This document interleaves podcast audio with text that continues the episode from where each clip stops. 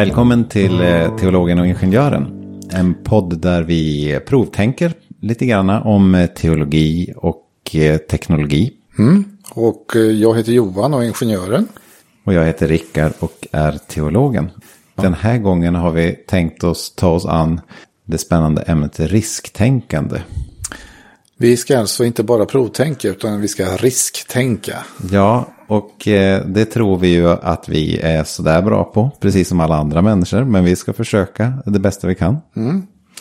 Har du utsatt eh, dig för risk någon gång? Ja, eh, det gör vi väl alla i daglig, på daglig basis. Inom ekonomin så tänker man ju på risk som en procentsiffra kan man väl säga. Mm. Att om jag gör den här investeringen på 100 000 kronor. Mm. Då är det si och så många procents chans att jag får utdelning. Mm. Men det är si och så många procents risk att jag går i konkurs. Mm. Och om jag får utdelning, låt säga att det är 50 procents chans att jag, det går bra för mitt företag. Då kanske mitt företag går att sälja för en miljon. Mm. Det vore ju superbra. Mm. Men om jag går i konkurs, då förlorar jag alla mina pengar. Mm.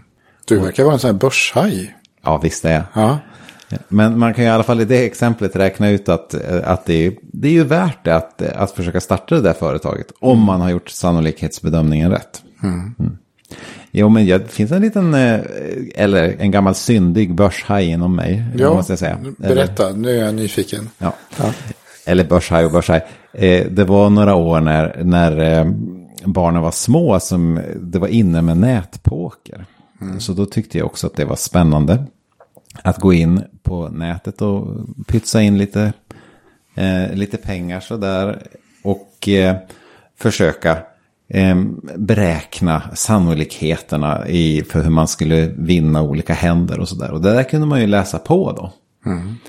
Man kunde läsa på att om man har den typen av hand så är det den typen av sannolikhet. Om man har så, spelar mot så och så många spelare. Och och så kunde man lära sig för olika delar av spelet ungefär vilka sannolikheter det fanns för att vinna och förlora i olika typer av situationer. Så lärde man sig det ganska bra så hade man ju en chans att vinna lite mer än man förlorade i längden. Det här, det, du överraskar på så många sätt Rickard. Alltså, men okej, okay, fortsätt, fortsätt. Ja, alltså det var, det var spännande. Det, det var, handlade ju bara om jättesmå pengar. För jag vågade ju såklart inte spela för stora pengar. Det hade ju varit väldigt hemskt om jag hade spelat bort en massa pengar. Mm. Eh, men eh, det var kul ett tag. Men sen var det också ganska tråkigt. För det blir ju ganska enahanda och sådär. Mm. Eh, så, men jag lärde mig den typen av risktänkande. Mm. Men eh, risktänkande där handlar ju om att huruvida du skulle satsa mera pengar eller inte i ett visst spel, en viss mm. omgång där. Men men eh, det här är ju saker som kan ju framkalla beroenden. Du tänkte inte på det? Att du utsatte dig själv och din familj för eh, ett liv i ruinens brant. Ja, och det är väl den typen av risk jag borde ha tänkt på istället. Eller hur? Ja. ja. Eh, så att det, det kan man väl säga att jag ångrar lite grann att jag gjorde det. Det var spännande då, men jag inser ju också att eh, dels fanns det en risk att jag skulle fastna i det. Fast jag har inte kanske den typen av personlighet. Men framför allt så bidrog jag ju till en industri där massa andra människor fastnar. Mm. Så min, min lek bidrog till någonting som faktiskt är många andra människors ruin. Mm. Eh, så där, det är väl ett ganska intressant exempel på hur man håller på att mikrooptimera risk för, i den lilla bilden. Men eh, inte riktigt ser den stora bilden. Ja. Och där, det är den risken man kanske behöver tänka på egentligen. Mm. Nästan ingenting i livet ser ut som ett spel. Mm. Ett spel är ju väldigt avgränsad verklighet. Mm. Det finns liksom en oerhört begränsad mängd möjligheter. Mm. Och, och, redan på en sån enkel grej som poker så, så expanderar möjligheterna ändå ganska mycket. Så att det är tydligen, enligt de som håller på med det matematiskt, ganska svårt att räkna på bara det. Mm. Men i verkligheten så... I verkligheten, ja. I livets verklighet. Där, kan, där kan man ju ta till exempel. Eh, du cyklade hit idag. Du hade hjälm på huvudet. Ja, visst var jag duktig. Du var lite vilsen så du cyklade fel hit till kyrkan. Ja. Hur nu det gick till kan man ju fundera på. men, visst är det. men en berömd sån här liknelse är ju det här med eh, det faktum att eh, rent statistiskt så är det ju säkrare att flyga än att åka bil. Ja. Hur känns det med det? Ja, jag är inte så rädd för att flyga faktiskt. Nej. Så att jag, jag är en sån där som bara, när jag tycker det blir för tråkigt att vänta på starten i flyget, då brukar jag somna en stund. Det Mm. provocerar vissa andra väldigt, väldigt mycket. Eh, det vill säga, men en del andra människor, de känner ju verkligen inför att när, när flyget ska starta, att nu, nu gäller det att hålla i sig så att man inte dör, Mm. helt enkelt. Ehm, och då är det ju eh, väldigt svårt att övertyga en sån människa om att det här är lugnt. Mm. Du är mycket, mycket säkrare nu än när du är en bil. Och det beror ju på att det är så mycket säkerhetstänk runt flygplanet. Ja. Och det är det i och för sig i dagens bilar också. Men där är ju var och en ute och kan ställa till oreda. Det finns ingen, inget flygledartorn som styr vart alla ska åka någonstans på motorvägen och sådär. Nej, precis. Och det finns väl ganska goda skäl att tro att eh, biltrafiken kommer bli väldigt, väldigt mycket säkrare när den inte sköts av människor i framtiden också. Eh, För, men vi, våran känsla är nog att, va, ska jag lämna över bilkörandet åt en dator? Det känns inte alls säkert. Nej, just det. Men, men det där är ju ganska intressant för det, de som har tittat på hur vi gör eh, riskbedömningar i sådana här online-situationer där man ska, lite snabbt ska bedöma hur är det värt att ta den här risken eller inte. De har ju sett att det är omöjligt för oss att göra någon typ av matematisk kalkyl för de flesta livssituationer överhuvudtaget. Utan det vi gör då är att vi samlar på oss en massa erfarenheter som ligger som någon slags allmän databas i bakgrunden i vårt huvud. Och de här erfarenheterna är kopplade till olika känslor och sådär. Så när vi ställs inför en situation där vi ska bedöma hur farlig situationen är. Då rasslar det igenom en massa erfarenheter vi har på ett undermedvetet sätt. Och så landar vi i en känsla inför situationen. Och bilkörning till exempel, det är vi väldigt vana vid. Det känns lite tryggt och skönt och behagligt. En, inget skrämmande över bilkörning alls. Så vi känner oss ganska säkra när vi är ute och kör bil. Däremot så flyger vi väldigt sällan. Och så är det väldigt lätt, lätt att jaga upp sig över tanken på att sätta sig i en gigantisk plåtlåda som ska flyga 10 000 meter över havet. I, och då skapar den bilden så pass mycket skräck så att känslan man kan landa, inte alla men vissa landar i det, att det här är fullständigt livsfarligt.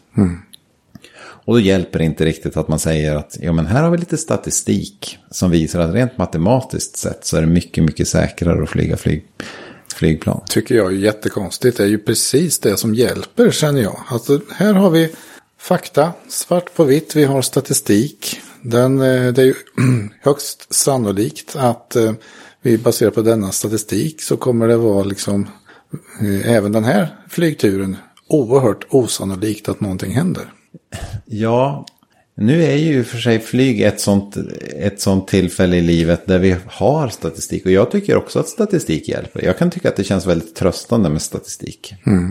Men eh, det finns väl en massa andra livssituationer där vi kanske inte har så lätt att ta, ta fram statistik och sådär. Och då, då famlar vi lite grann inför den här känslan som vi har. Eh, Eh, och det är väl lite sådär att hur mycket man än kämpar och försöker göra sitt bästa så ja, vi är lite hjälplösa inför all den komplexitet som, som livet bjuder oss. Mm.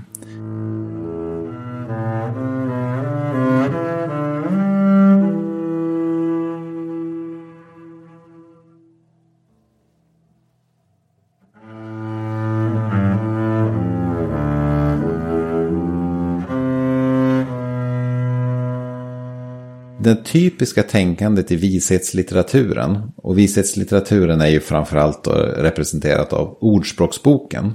Där är det ju att ja, men det viktigaste man kan göra i livet, det är att förvärva vishet. För då kan man hantera livet mycket bättre. Ett väldigt bra exempel är då Ordspråksboken kapitel 4, vers 5. Där eh, uppmaningen är då förvärva vishet, förvärva insikt. Glöm aldrig vad jag har sagt och vik inte av ifrån det. Överge inte visheten, Hon ska bevara dig, älska henne, hon ska skydda dig. Det är ju ganska positivt. Verkligen. Här, här finns en positiv tilltro till genom att liksom bli klok och eftertänksam så, så kommer man kunna hantera livet på alla möjliga Precis. sätt. Men det finns ju också den andra bilden av visheten i, i Bibeln. Och det är ju den väldigt mycket mer pessimistiska predikaren. Som undrar hur mycket hjälper det med vishet egentligen? Predikaren var inte, är inte den boken ganska pessimistisk generellt? Ja, den har väldigt pessimistisk livssyn och den funderar på om hur mycket det hjälper och, och, och, och göra det ena och det andra här i livet. Och eh, jag drar väl i stort sett slutsatsen att det man kan göra är äta och dricka och vara glad. Okej. Eh, och eh, där i början så får man höra om massa livsprojekt som eh, denna predikaren tar sig för att göra. Det står i början att det är Salomo som har skrivit det här. Men det är nog inte Salomo som har skrivit det här. Men eh, predikaren säger i kapitel 2, vers eh, 13. Eh, jag såg att visheten är bättre än dårskapen. Liksom ljuset är bättre än mörkret. Så så här långt håller han med om att vishet är bra. Det låter bra. Men så säger han. Den visa har ögon att se, men dåren vandrar i mörkret. Men jag vet att samma öde drabbar dem båda. Jag tänkte, dårens öde drabbar också mig. Vad har då all min vishet tjänat till? Och jag sade mig, även detta är tomhet.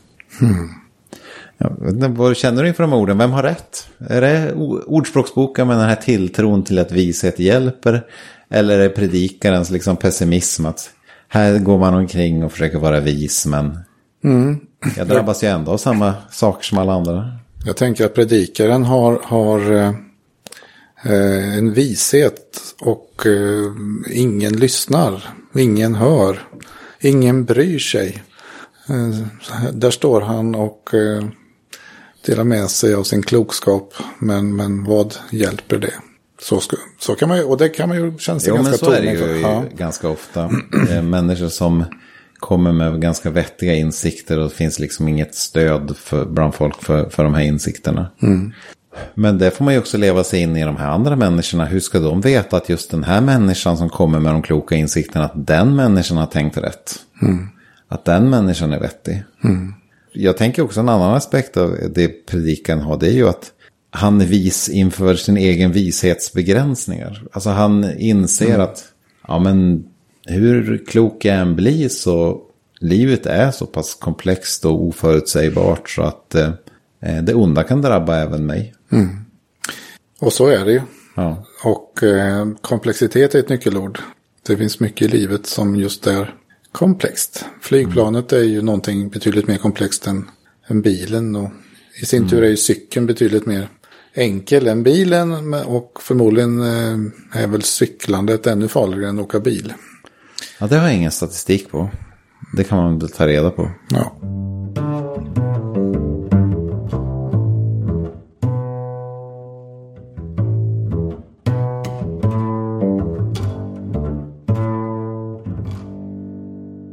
Men du ska ju ta upp ett väldigt komplext bekymmer. Ett väl, och vä- men samtidigt också ett väldigt avgörande bekymmer där vårt risktänkande spelar väldigt stor roll för vad som kommer hända i framtiden.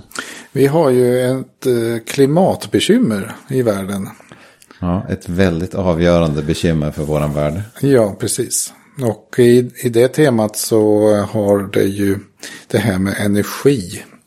Det är ju så att eh, mycket av vår elektricitet i världen eh, genereras ju av kolkraft som är ju avsevärt. Eh, det är ju e- extremt eh, dåligt för klimatet. För länge sedan så, så tyckte man väl att det här med miljö i form av att man det smutsar ner, det var liksom huvudbekymret. Men nu är det ju det här med koldioxiden som den pumpar ut. Det är ju en riktigt elak form av fossil förbränning där. Ja, och visst är det så att just eh, förbränningen av till exempel av brunkol är mycket mer eh, är det mycket mindre energieffektiv än förbränningen av till exempel olja. Mm. Det kan jag inte, det är en, ingen expert på, men, men det är alltså en, alltså naturgas och olja är utifrån ett miljöperspektiv faktiskt bättre än kol. Kol är den stora boven. Ja, det är det sämsta av allt. Men det är ju olja och naturgas är fortfarande också jätte, jättedåligt. Ja, Och, och det som, som eh, jag råkade snubbla på här lite grann, det var under julledigheten. En eh, bok och en författare. Boken heter Klimatnyckeln och författaren heter Staffan Kvist. Eh, som tillsammans med en amerikansk professor har skrivit en bok där man kan, man, man kan säga att de har eh, berättat vad IPCC, som är alltså den här FN-baserade forskningspanelen. IPCC är ju de som levererar en rapport över eh, de klimatmodeller som, som nu... Ja, så de har alltså skrivit en bok där, där IPCCs rapporter blir lite mer begripliga för vanliga människor. Ja, den, den del av rapporterna som faktiskt föreslår vad man ska göra i världen för att så att säga komma till rätta och minska ner den här koldioxidgenereringen.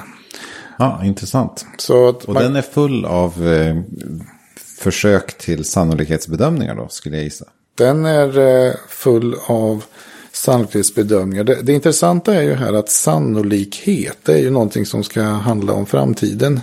Ja, just det. Ja, och då kan man tänka sig att klimatmodellerna som ska förutse hur snabbt jordens medeltemperatur kommer att öka och så där. Det är ju ändå framtid och per definition är ju det de modellerna eh, mer eller mindre sannolika. Men nu så har man ju ändå landat i tack vare att man engagerat. Det är ju, det är ju mer än tusen forskare som har pratat ihop sig om detta. Så att man har ju, trots att man, man håller på med modeller och framtid så har man ju försökt att enas i en väldigt stor grupp. Och det granskas och det granskas och filtreras och sådär. Så att man, man, man eh, är försiktig med sina bedömningar och så. Så att det man ändå får fram kring eh, framtida beteenden är ändå hyfsat väl. eh, Så det, det, det är liksom någon slags eh, två, två grader av försiktighetstänkande. Dels så finns det någon slags riskbedömning i modellerna. Och sen också någon slags riskbedömning i sin bedömning av modellerna. Att mod- modellerna kanske inte har helt rätt eftersom det är så svårt att bygga modeller. Det är jättesvårt att bygga modeller och det har vi pratat om tidigare. Ja. Precis. Sen är det faktiskt som så att då ska man ju komma ihåg att, att en modellbyggare. Eh, det är ju nämligen väldigt lätt att, att bygga in lite sin egen agenda i en modell.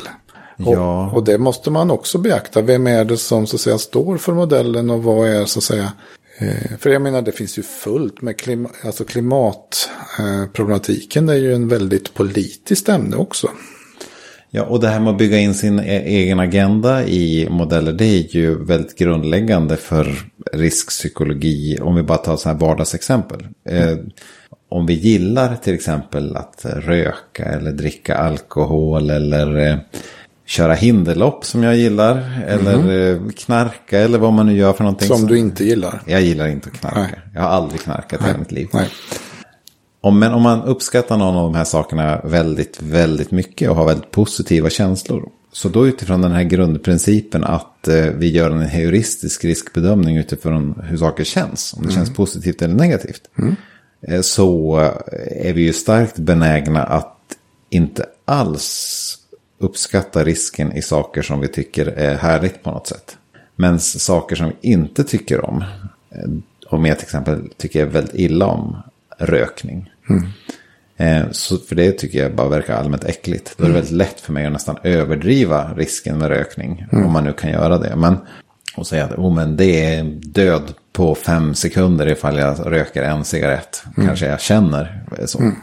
Så att eh, den här känslan. Så jag förstår verkligen att även den som väldigt professionellt försöker jobba med risker och modeller och sådär. är väldigt svårt inte alls ta in sina värderingar och preferenser Nej. Mm. Och det gäller att vara noggrann eh, med eh, forskningsmetoder.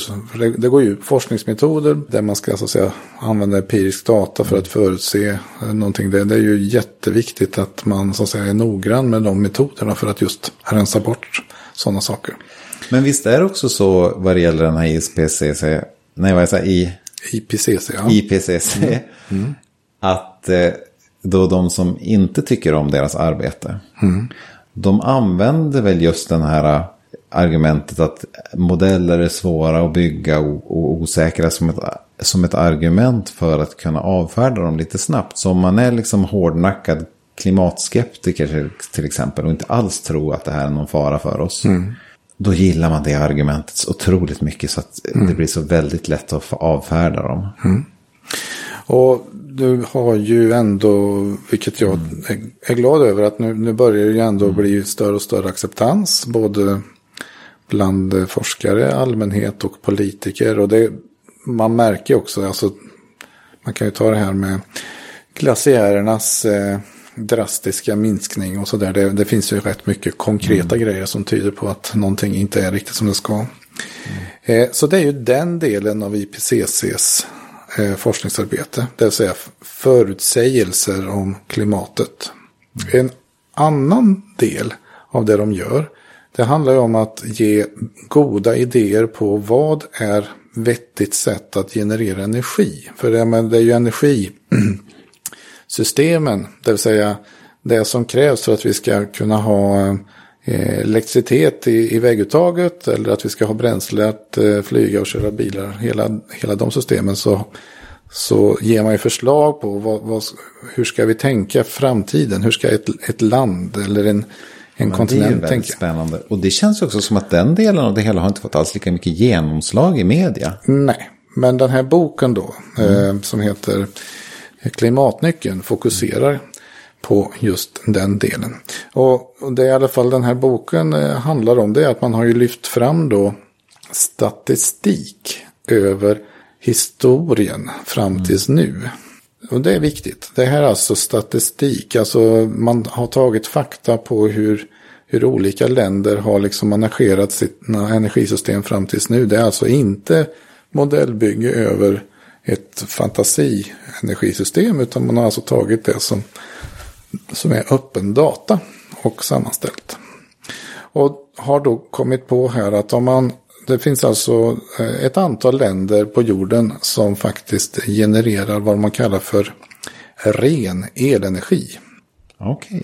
Och ren elenergi det är alltså att den, in, den, den, den är fossilfri och eh, energin är inte bara en eh, en förnyelsebar princip. Det vill säga att du odlar någonting i ena änden och så förbränner du det och sen så den, den koldioxid som, som bands i ena änden sen släpps fria i den andra änden och sådär. Och då har vi till exempel sådana energislag som solkraft. Det mm. är ju direkt överföring från solenergi till el till exempel. Ja, det talas ju väldigt mycket om som någon slags framtid. Ja. ja.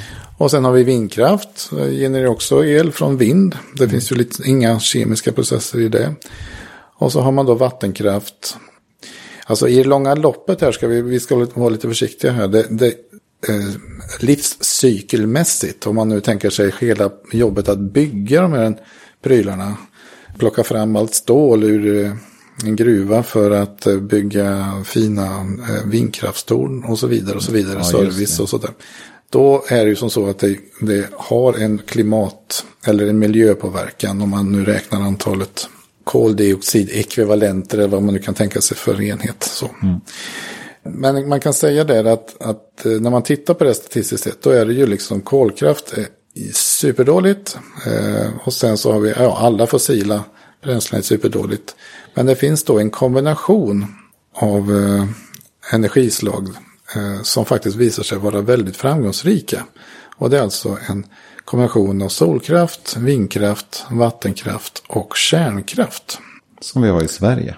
Precis. Det visar sig att Sverige tillsammans med Frankrike och Ontario i Kanada är så här eh, lysande exempel på fantastiskt framgångsrika energisystem. Där vi då kan leverera ren elkraft i tillräckligt stor grad och vi kan leverera det med eh, alltså hela tiden 24-7 eh, tillräckligt mycket så att det går att, så att säga, ha stabilitet och lita på det. Och jag gissar då att bomben i det här, det är att de sa kärnkraft. Ja, och bokens syfte kan man säga är just det. Att jag menar att, att skriva en bok om att eh, solkraft, vindkraft och vattenkraft är bra. Det är ju en no-brainer. Det, är liksom, det finns det, Mm, det mass, massvis med böcker och artiklar om. Det var inget, Alla älskar solkraft och vindkraft. Precis. Eh, och det finns en, eh, en, en webbsida på nätet vars eh, webbadress jag nu inte kan. Men det kommer jag skriva i kommentarerna sen. Som de refererar till lite grann. Det är alltså en webbsida som använder Eh, publik data. Där man då ser vad är det för sorts elenergi som produceras just nu i varje land. Och om då landet lyser grönt då är det så här ren energi. Om det lyser brunt då är det liksom typ smutsig energi. Kan saker lysa brunt? Eh, ja. Ja, Det, är, något nytt. Det är fyra nyanser av brunt i det här. Ja. eh, Ja, det och, och man kan på den webbsidan se hur läget är just nu och hur läget var igår och en vecka tillbaka och historiskt sett ett helt år tillbaka. Och där är det just de här länderna, Sverige, Frankrike och Ontario som, som sticker ut. Tillsammans med i och för sig då Island, varför sticker de ut? Ja, det är för att de har ju sån här vulkanvärme i, i Det är backen. fusk. Ja. Eh, Ja, det är jättebra för dem att de har det. Men det är verkligen inget annat land i världen som har de förutsättningarna. Likadant med Nya Zeeland. Sen finns det ett antal jättefattiga länder som har typ eh, ett, några kraftverk kanske man eldar någon slags bio förnyelsebart och sådär. Men det är så låg konsumtion. Så det betyder att, att lev, det också på något sätt är rent. Men, och det här är grejen då. När man gör prognoser, och nu kommer vi in på prognosmakarna igen. Så nu är vi inne på framtiden. Ja, så ser man ju att i framtiden så kommer ju alltså elkraftsbehovet att öka drastiskt. Vi i de industriella länderna kan man väl kanske anta att vi, vi tycker väl att vi är hyfsat bra som vi har det. Men vi har en stor befolkning i världen som av moraliska skäl till exempel. Vi kan ju inte hindra länder att utvecklas. Att de ska också ha, få ha kylskåp och, och sådana saker. Och man vet Ja, allt oavsett. sånt är ju direkt, kylskåp är ju direkt kopplat till hälsa. Därför att Precis. då blir ju mat inte dålig till exempel. Exakt. Ja.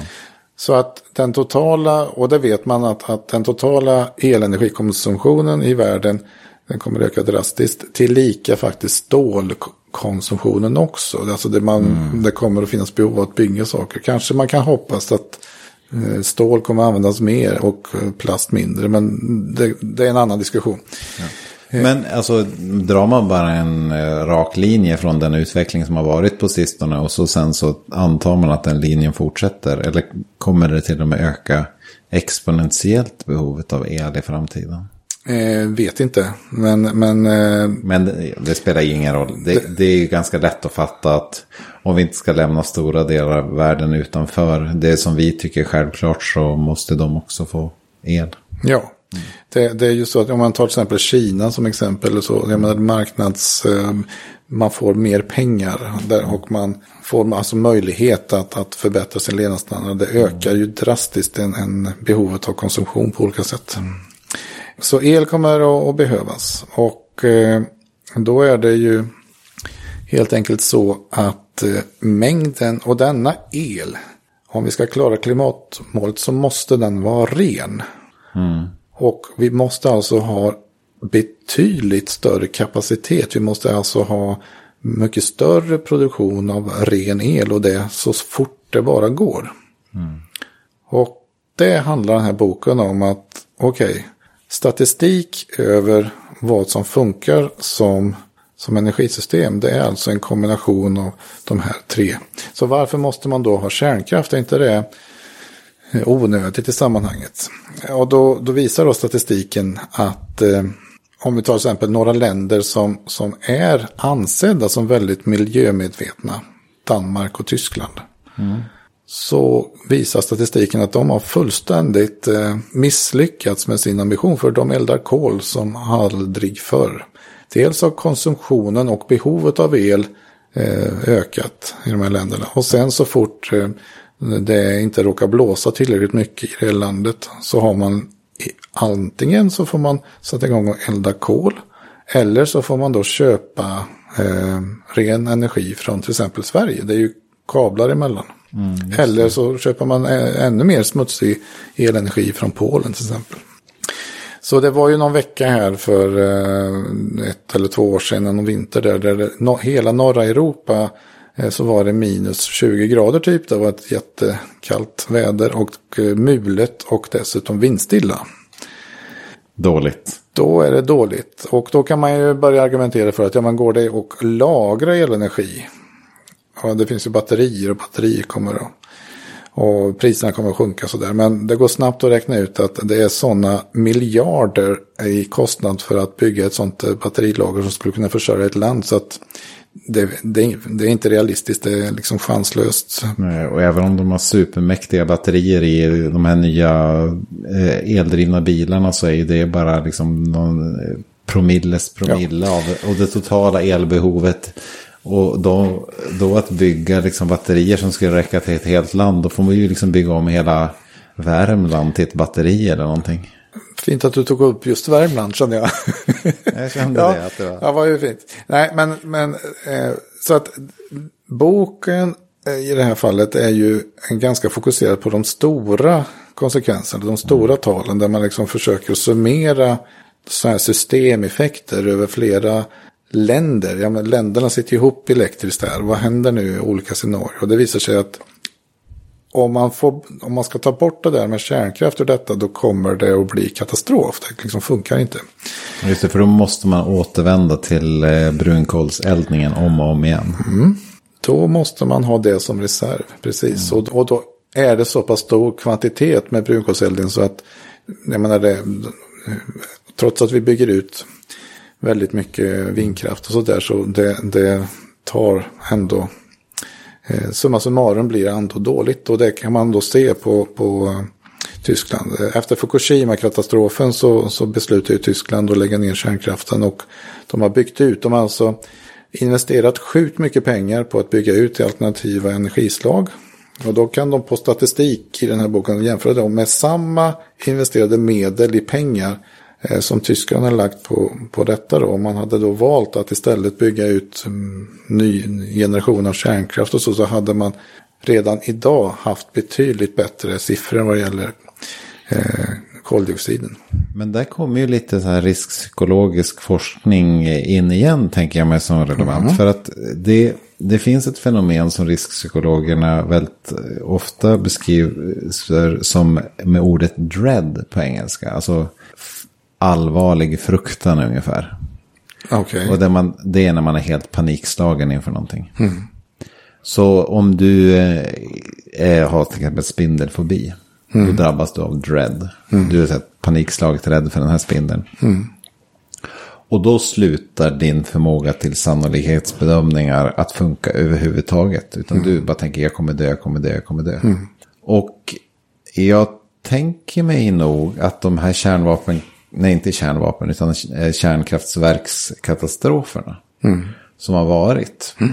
De är ju väldigt skräckinjagande. Mm. Det är superläskigt mm. att läsa om både Tjernobyl och Fukushima. Mm.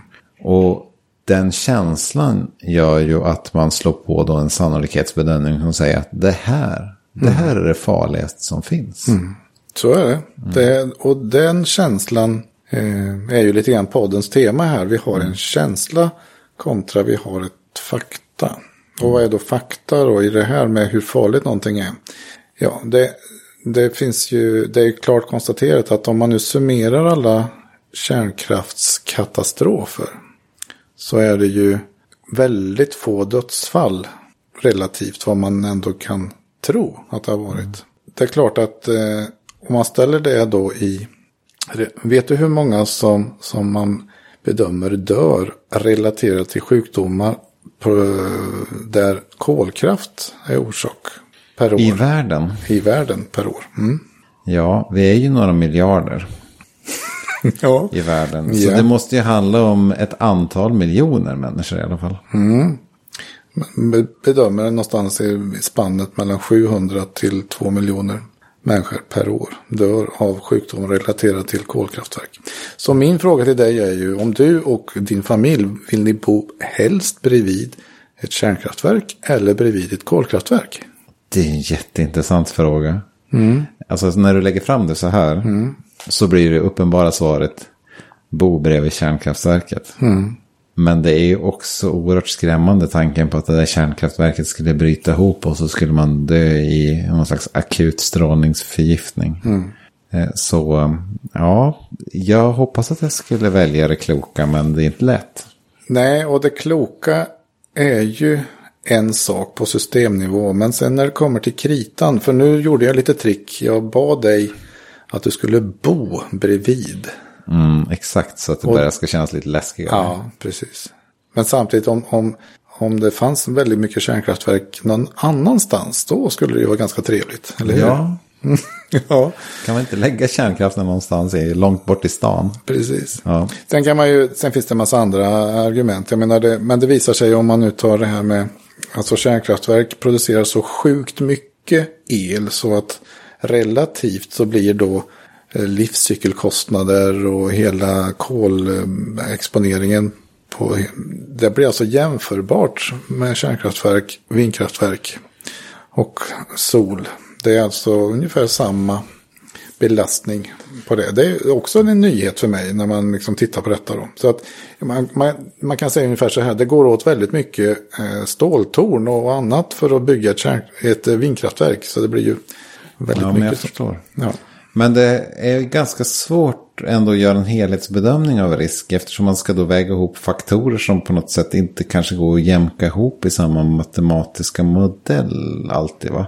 För Precis. menar, nu pratar du om modeller som handlar om hur mycket koldioxid blir det. Med olika saker. ja. Och sen så måste man ju också då på något sätt jämka ihop det med modeller med hur, hur illa kan det gå ifall det blir en katastrof. Då. Och det, och det gör man, man. Man kan säga så här att sannolikhet använder man ju för att bedöma hur troligt att en händelse inträffar. Ja, just det. Och sen så kan du ju då multiplicera på. Det var ju det du gjorde här förut. Att man kan sätta en kostnad för konsekvensen. Och så kan du ju då tänka sig vad är då nyttan. Och på något sätt göra en avvägning. Det är klart att om, om, om per genererad megawatt.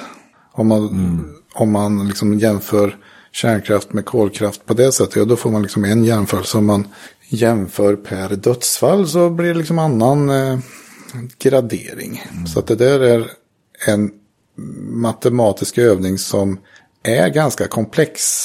Men den görs. Man försöker Och ju. där att- måste man ju också värdera Ja. olika saker. Alltså vad, vad är klimatet för klotet som helhet värt kontra människoliv? Just det. Alltså hur ska man jämka de siffrorna? Det, Ja. då är, där är ju en värdering invol- involverat. Då. Och det är just det här att nu, det nya är ju, nu har vi liksom klotet som helhet faktiskt som en konsekvens. Det har inte funnits där förut i de här sammanhangen. Utan Nej, nu är det. liksom med Greta Thunberg och det här att klotet som helhet blir en konsekvens. Och då, då är det ju lite som, och det är väl det som är den här bokens tema, att vad sjutton håller vi på med? Vi håller på att riskera någonting som är hela klotets situation. Och så funderar vi på ifall det är jobbigt att bo bredvid ett kärnkraftverk.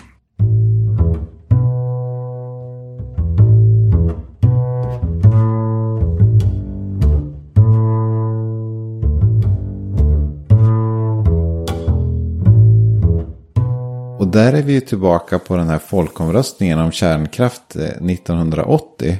Där den här frågan kring vad är konsekvenserna för hela klotet inte alls var lika aktuell. Så där, där gjorde vi ju då, svenska folket gjorde någon slags riskbedömning på helt andra grunder än vad som är aktuellt idag kan man säga.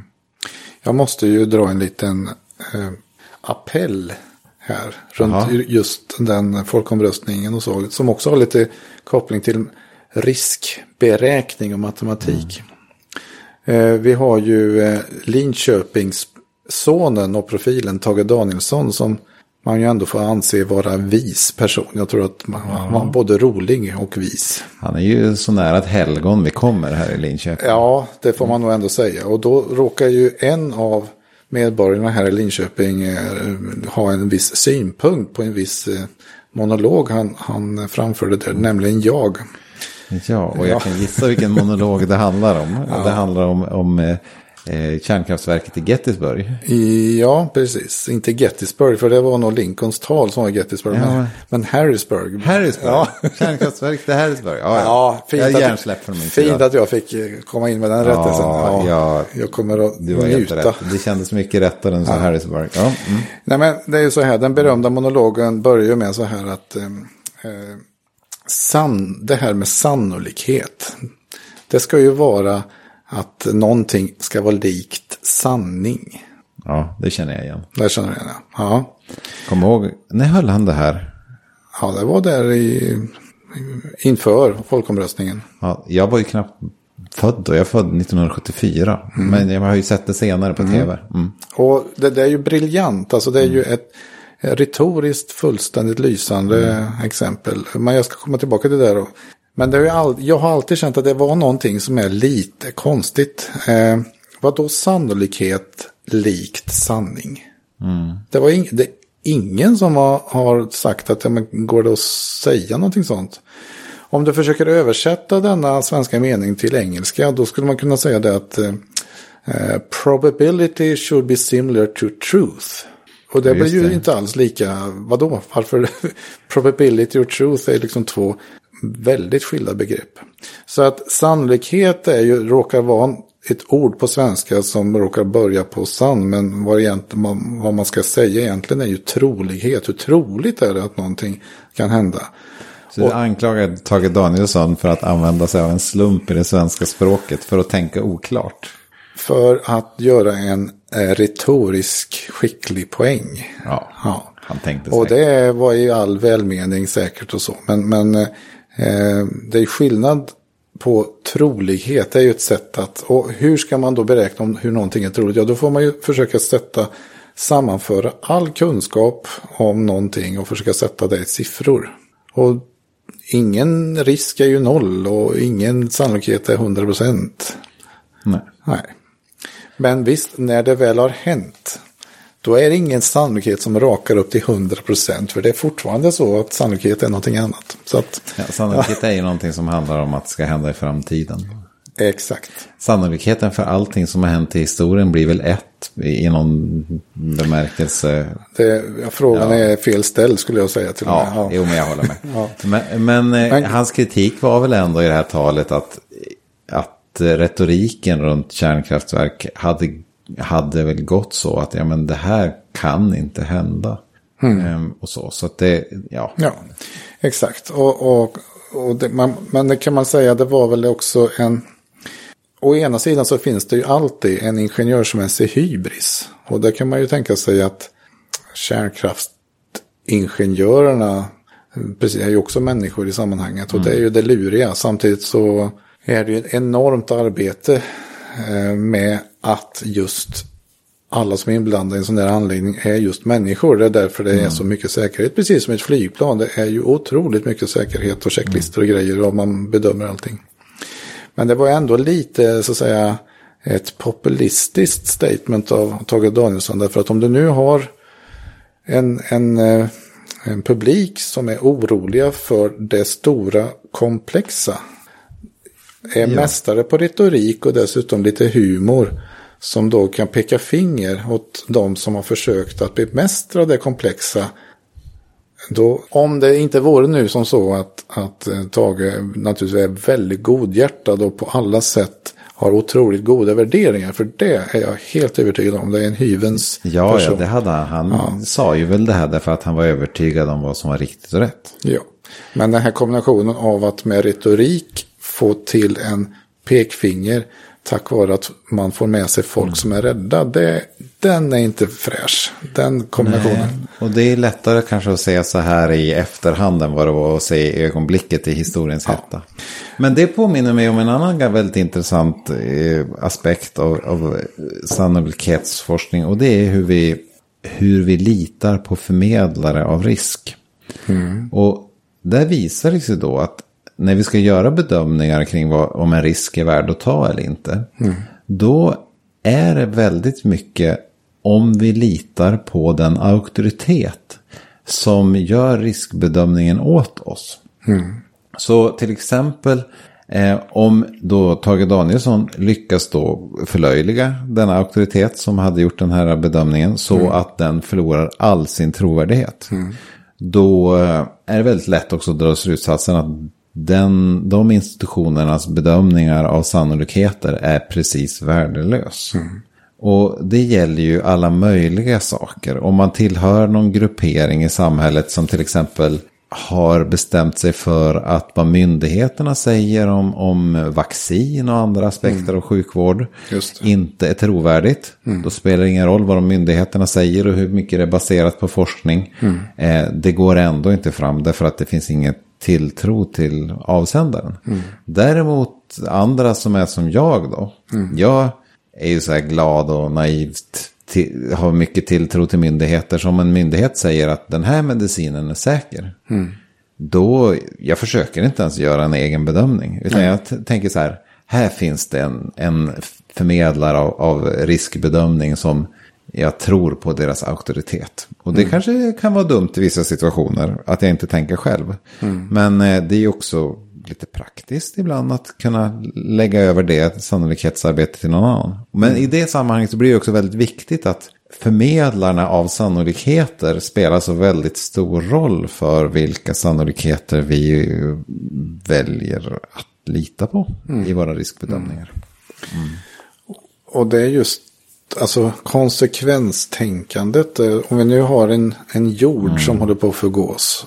Det, det är väl den här, den här. Jag menar en, en, medicin man tar. Eh, det finns ju alltid en risk för en biverkan. Jag mm. menar vi kan, det mest tydliga exemplet var väl pandemivaccinet som vi fick ta här i Sverige. Som man väl konstaterade orsakade eh, biverkningar för några, det med narkolepsi och sådana saker. Och de ja tycker naturligtvis att auktoriteten hade fel. Varför blev de rådda till att ta den här, mm. det här vaccinet? Eh, ja, och det var ju en sån där situation där eh, man tog beslut väldigt snabbt. Man försökte ta någon slags sannolikhetsbedömningsbeslut i en situation där det var lite bråttom. Ja, men samtidigt så kanske just deras beslut och deras rådvillighet eh, hade stor nytta. Vi hade varit Mm. Ifall de inte hade tagit beslutet så vet vi inte riktigt vad som hade hänt. Nej, det kommer vi aldrig få veta. Och nu är vi lite grann i det här läget då, att vi med klimatläget och att vi måste eh, ta till lite brutala metoder. Och, mm. och vara politiker känner jag kanske inte riktigt de får till det. Mm. Eh, utan de söker mer opinion och opinionen är fortfarande menar jag, speciellt i Sverige, präglade av den här eh, sannolikhet ska vara likt sanning-tugget mm. från eh, Tage då i ja. 1980.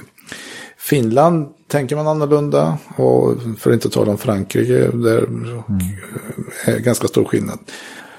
Jag ska berätta faktiskt att jag, jag, jag köper argumentationen nu kring kärnkraftverk. Men mm. om man bara backar jag vet inte hur många år, men ett antal år tillbaka i tiden. Mm.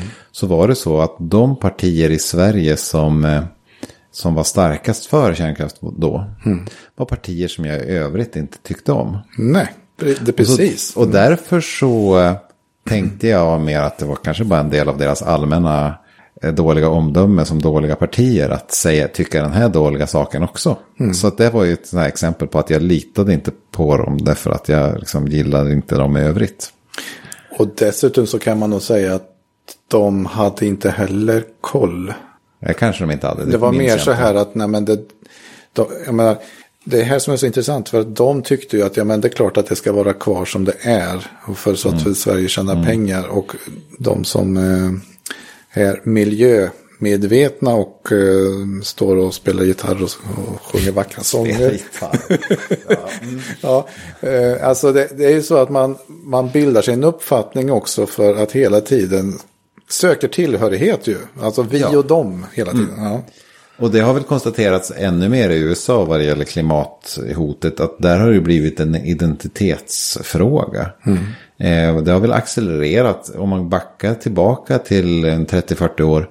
Då kunde man se då att oron för klimatet var mycket mer jämnt spridd mellan republikaner och demokrater. Men nu har det här blivit någon slags identitetsgrej. Att jag är minsann en sån som eh, identifierar mig med att vara konservativ. Och då måste jag också vara klimatskeptiker.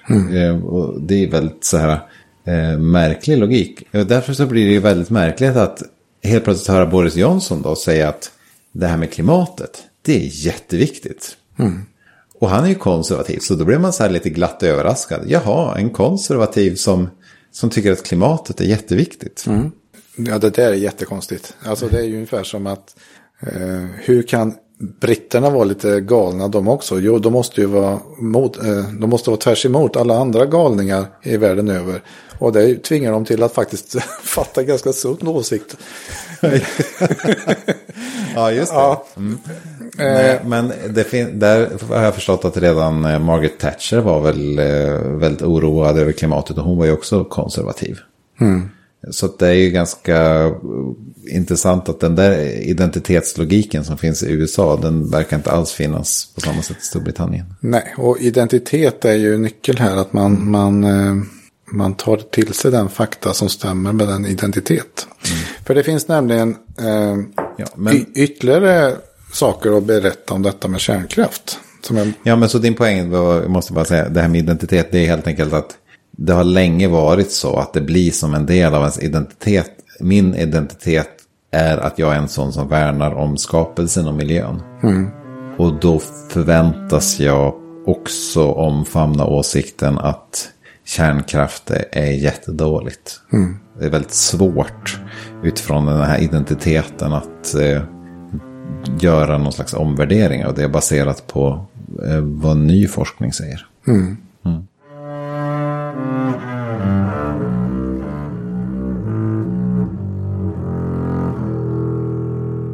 Och vad säger då ny forskning? Nu, jag vill bara säga det att jag spelar också gitarr. Jag vill bara säga det. det. Bill Gates kom på samma problematik någon gång där 2000, ja, 3-4 någonstans. Där han har ju fruktansvärt mycket pengar att spendera på det han anser är goda saker. Så han har jobbat med polio, han har jobbat med sanitet i slumområden och så. Men han har också jobbat med kärnkraft. Det fanns ju ett antal eh, forskare i, och kärnkraftsutvecklare i USA som var satta på hyllan och inte var användbara för att det här med kärnkraft skulle man inte hålla på med. Så han har ju tagit hand om ett gäng med sådana och eh, utvecklat, eh, visar sig. Det går att göra mycket, mycket smartare saker med kärnkraft än vad man har i dagens kärnkraftverk. Och detta kallar man för fjärde generationens kärnkraftverk. Ja, på vilket sätt är de bättre då? Eh, de till exempel använder utbränt kärnavfall. Kärnkraftsavfall. Det som vi har sådana lagringsproblem med just nu. Ja, plötsligt blev det någonting man inte ska lägga ner i, en, i ett berg och eh, begrava i hundratusen år utan använd det hela. Grejen är att utbränt kärnavfall, vet du hur stor procent som man då har utvunnit ur, det avfall, ur, ur de stavarna Nej. om man tänker den potentiella energimängden som finns i en sån sånt bränslestav. Och då är frågan hur stor andel av det har man använt när man tycker att det har blivit utbränt? Gissa. 50 procent? Ja, skulle jag också ha gissat på. Svaret är 0,6 procent har man använt. Det är jätteintressant. Ja, Det är- där eh, lurade du mig. Det är otroligt mycket energi kvar i detta. Och det är det man då kan använda på det sättet med, med fjärde generationens kärnkraftverk. Det är nummer ett. Nummer två är att processen är, den fysikaliska processen är stabil. Vet du vad det betyder? Stabil betyder att den inte är volatil. Det vill säga att den, jag gissar att det betyder att den inte kan balla ur.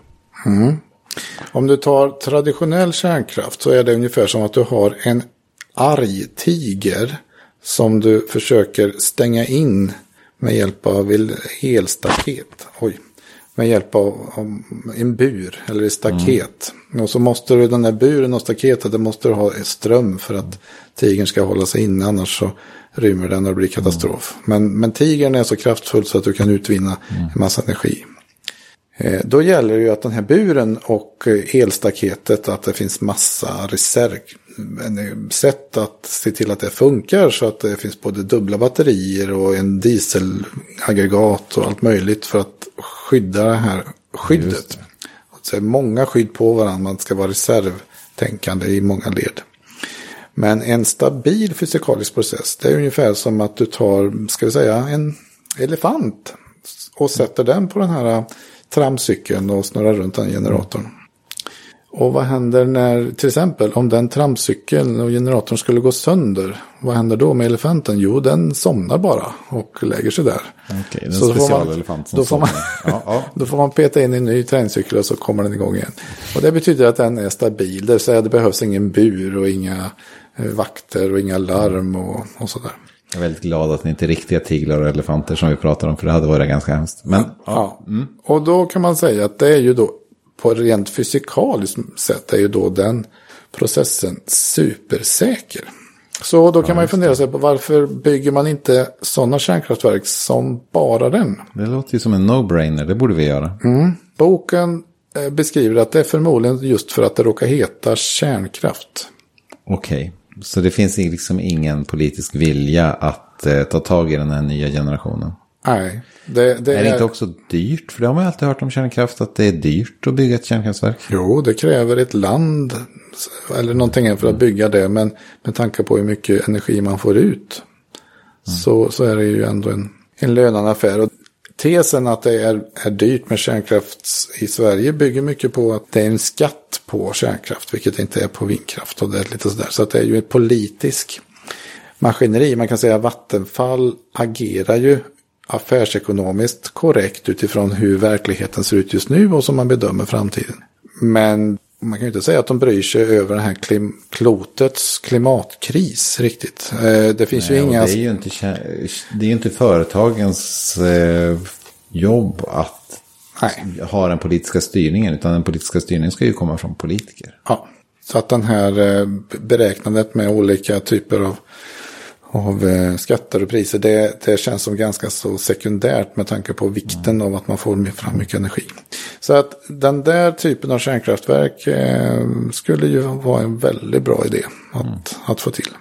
Så det finns mycket att berätta om detta. Det, mm. Donald Trump till exempel stoppade den här etableringen av sån, sån kärnkraft eftersom man tyckte att Kina inte skulle få teknologi från USA. Det är en story i detta där politiker söker välviljan hos opinionen. Opinionen är präglad av en identitet. Mm. Och, och det i sin tur riskerar att vi inte klarar av att ta ett beslut som med hög sannolikhet skulle vara det som fick oss att inte gå över det här viktiga temperaturhöjningsmålet som vi har.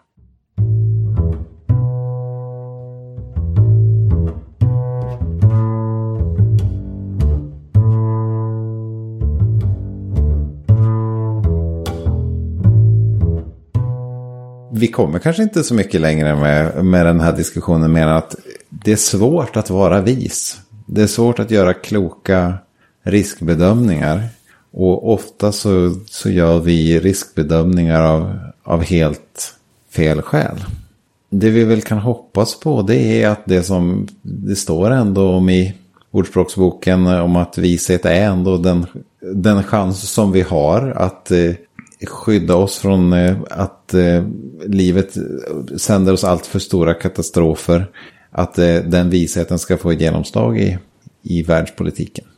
Men behöver man egentligen bekymra sig över någonting egentligen? Rickard, du är ju teolog. Kom igen nu. Ja, men det där är intressant. Vi, jag vet inte, det där tycker jag är svårt. För det finns ju de här Jesusorden som är närmast lite så här fatalistiska. Mm. Dels finns det i Lukas evangeliet kapitel 12 en, berätt, en liknelse om en man som, som tycker att han har säkrat upp en god framtid genom att lagra riktigt mycket grödor. Mm.